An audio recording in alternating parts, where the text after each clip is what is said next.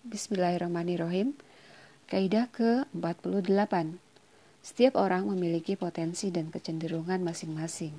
Setiap suku telah mengetahui tempat minumnya masing-masing. Quran Surat Al-Baqarah ayat 60 Ini adalah kaidah Al-Quran yang telah menjadi peribahasa. Kaidah ini merupakan jejak-jejak kebijakan Allah atas makhluknya yang membantu seorang yang mau merenungkannya untuk melihat segala sesuatu dengan berimbang dan objektif. Kaidah ini adalah bagian dari ayat yang dalam surat Al-Baqarah dan surat Al-A'raf tentang kisah Nabi Musa alaihissalam yang memohon air kepada Allah untuk kaumnya. Dan ingatlah ketika Musa memohon air untuk kaumnya, lalu kami berfirman, Pukullah batu itu dengan tongkatmu, maka memancarlah daripadanya dua belas mata air. Setiap suku telah mengetahui tempat minumnya masing-masing. Makan dan minumlah dari rezeki yang diberikan Allah. Dan janganlah kamu melakukan kejahatan di bumi dengan berbuat kerusakan. Quran Surat Al-Baqarah ayat 60 Makna khusus ayat ini bahwa Allah menganugerahkan kepada Bani Israel dengan adanya sumber-sumber air yang memancar dari batu sebanyak 12 sesuai jumlah suku atau kabilah Bani Israel agar tidak berdesakan dan memudahkan mereka mengenali penduduk masing-masing suku Bani Israel. Ketika anugerah ini terwujud, maka disempurnakan dengan adanya beberapa makanan dan minuman tanpa harus bekerja dengan susah payah. Semua ini murni anugerah Allah dan rezeki yang dilimpahkannya. Kenikmatan itu semakin sempurna dengan teraturnya ekspor dan impor. Sehingga mereka menjadi masyarakat yang teratur, tidak menzalimi orang lain, dan tidak saling mengurangi hak masing-masing. Makna kaidah ini juga terdapat dalam kaidah lainnya, tetapi dengan redaksi yang berbeda, yaitu firman Allah, setiap orang berbuat sesuai dengan pembawaannya masing-masing.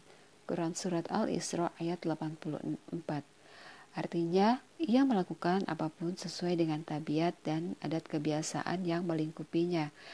Makna kaidah ini juga terdapat di dalam sunnah, sebagaimana dalam sabda Rasulullah SAW, bekerjalah karena semua dimudahkan sesuai takdirnya. Hadis riwayat Al-Bukhari dan Muslim. Intinya, makna kaidah ini diakui oleh syariat dengan redaksi yang variatif, kalimat-kalimat ringkas dan kata-kata yang berbeda-beda. Dalam kesempatan ini kita akan mengisyaratkan praktek-praktek pokok kaidah ini, yaitu pentingnya seseorang mengetahui bakat dan potensi dirinya yang telah dianugerahkan Allah kepadanya – agar bisa memberi kemanfaatan pada bidang yang sesuai dengan kemampuan dan bakatnya. Karena memang manusia tidak satu tipe dalam potensi, bakat, dan kemampuannya. Tidak seorang pun yang sempurna dari segala sisi kecuali para nabi alaihissalam.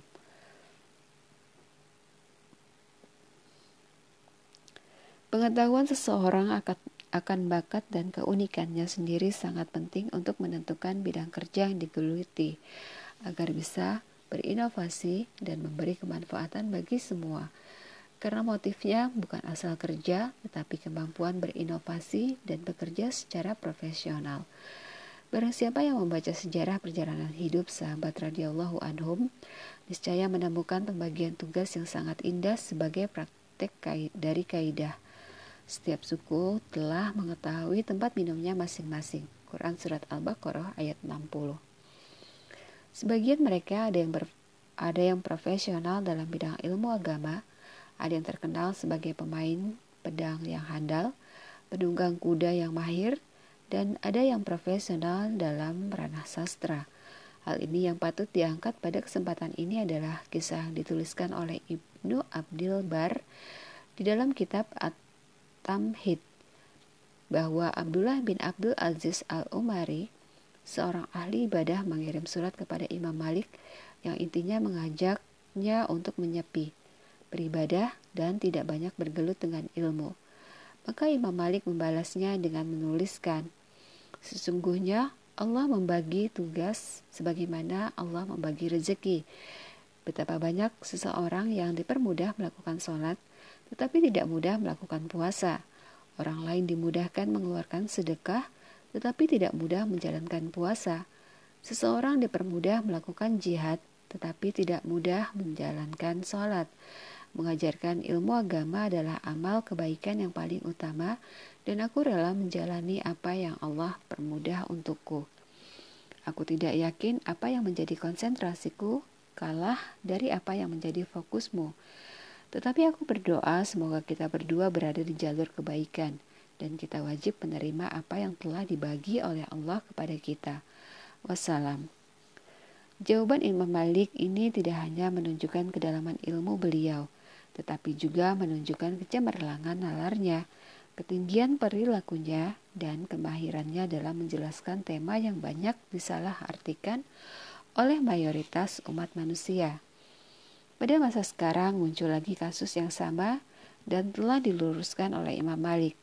Kamu sering mendengar komentar miring sebagian orang yang pergi ke medan jihad kepada sebagian ulama yang berkonsentrasi mengajar ilmu agama. Mereka menuntut para ulama itu turun ke medan turun ke medan jihad karena jihad merupakan puncak kebaikan yang agung. Kewajiban yang harus dilakukan saat ini dan alasan-alasan lainnya untuk mencerca mereka. Pada saat yang sama, sebagian ulama itu melakukan kritik balik kepada orang-orang yang turun dalam medan jihad bahwa kebanyakan dari mereka bukan orang-orang alim, tidak paham masalah agama, dan sisi negatif lainnya yang mungkin dihilangkan seandainya semuanya merenungkan kaidah ini dan hadis bekerjalah karena semua dimudahkan sesuai takdirnya Hadis riwayat Al-Bukhari dan Muslim. Hal ini bisa dijelaskan dengan sabda Rasulullah Shallallahu Alaihi Wasallam.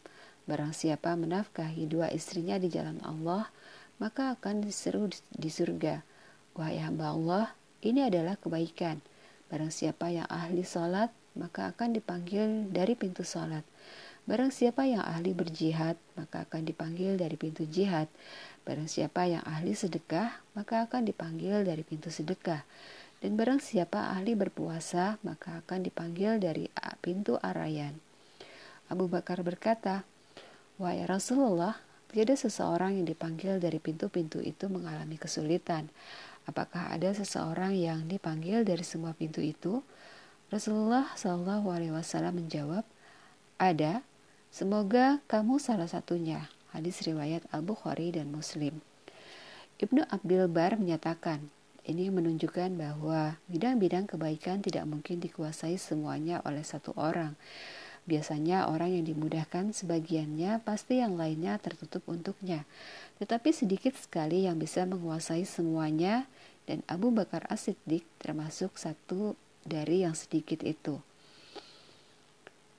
Di lapangan kehidupan banyak sekali contoh-contoh yang menggambarkan kegagalan masyarakat dalam memanfaatkan bakat, kemampuan, dan potensi yang dimiliki orang-orang di dalamnya karena tidak mengamalkan petunjuk dalam kaidah ini.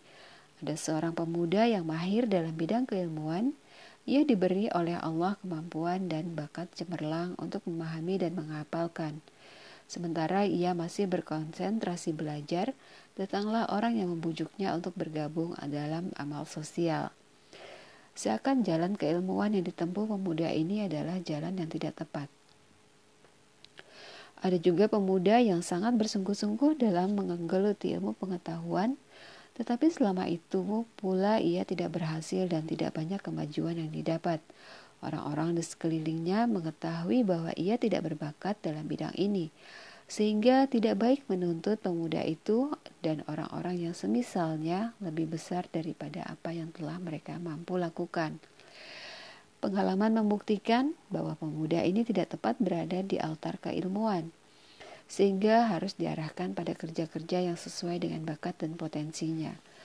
Karena umat sangat butuh banyak tenaga profesional dalam bidang-bidang sosial dan dakwah.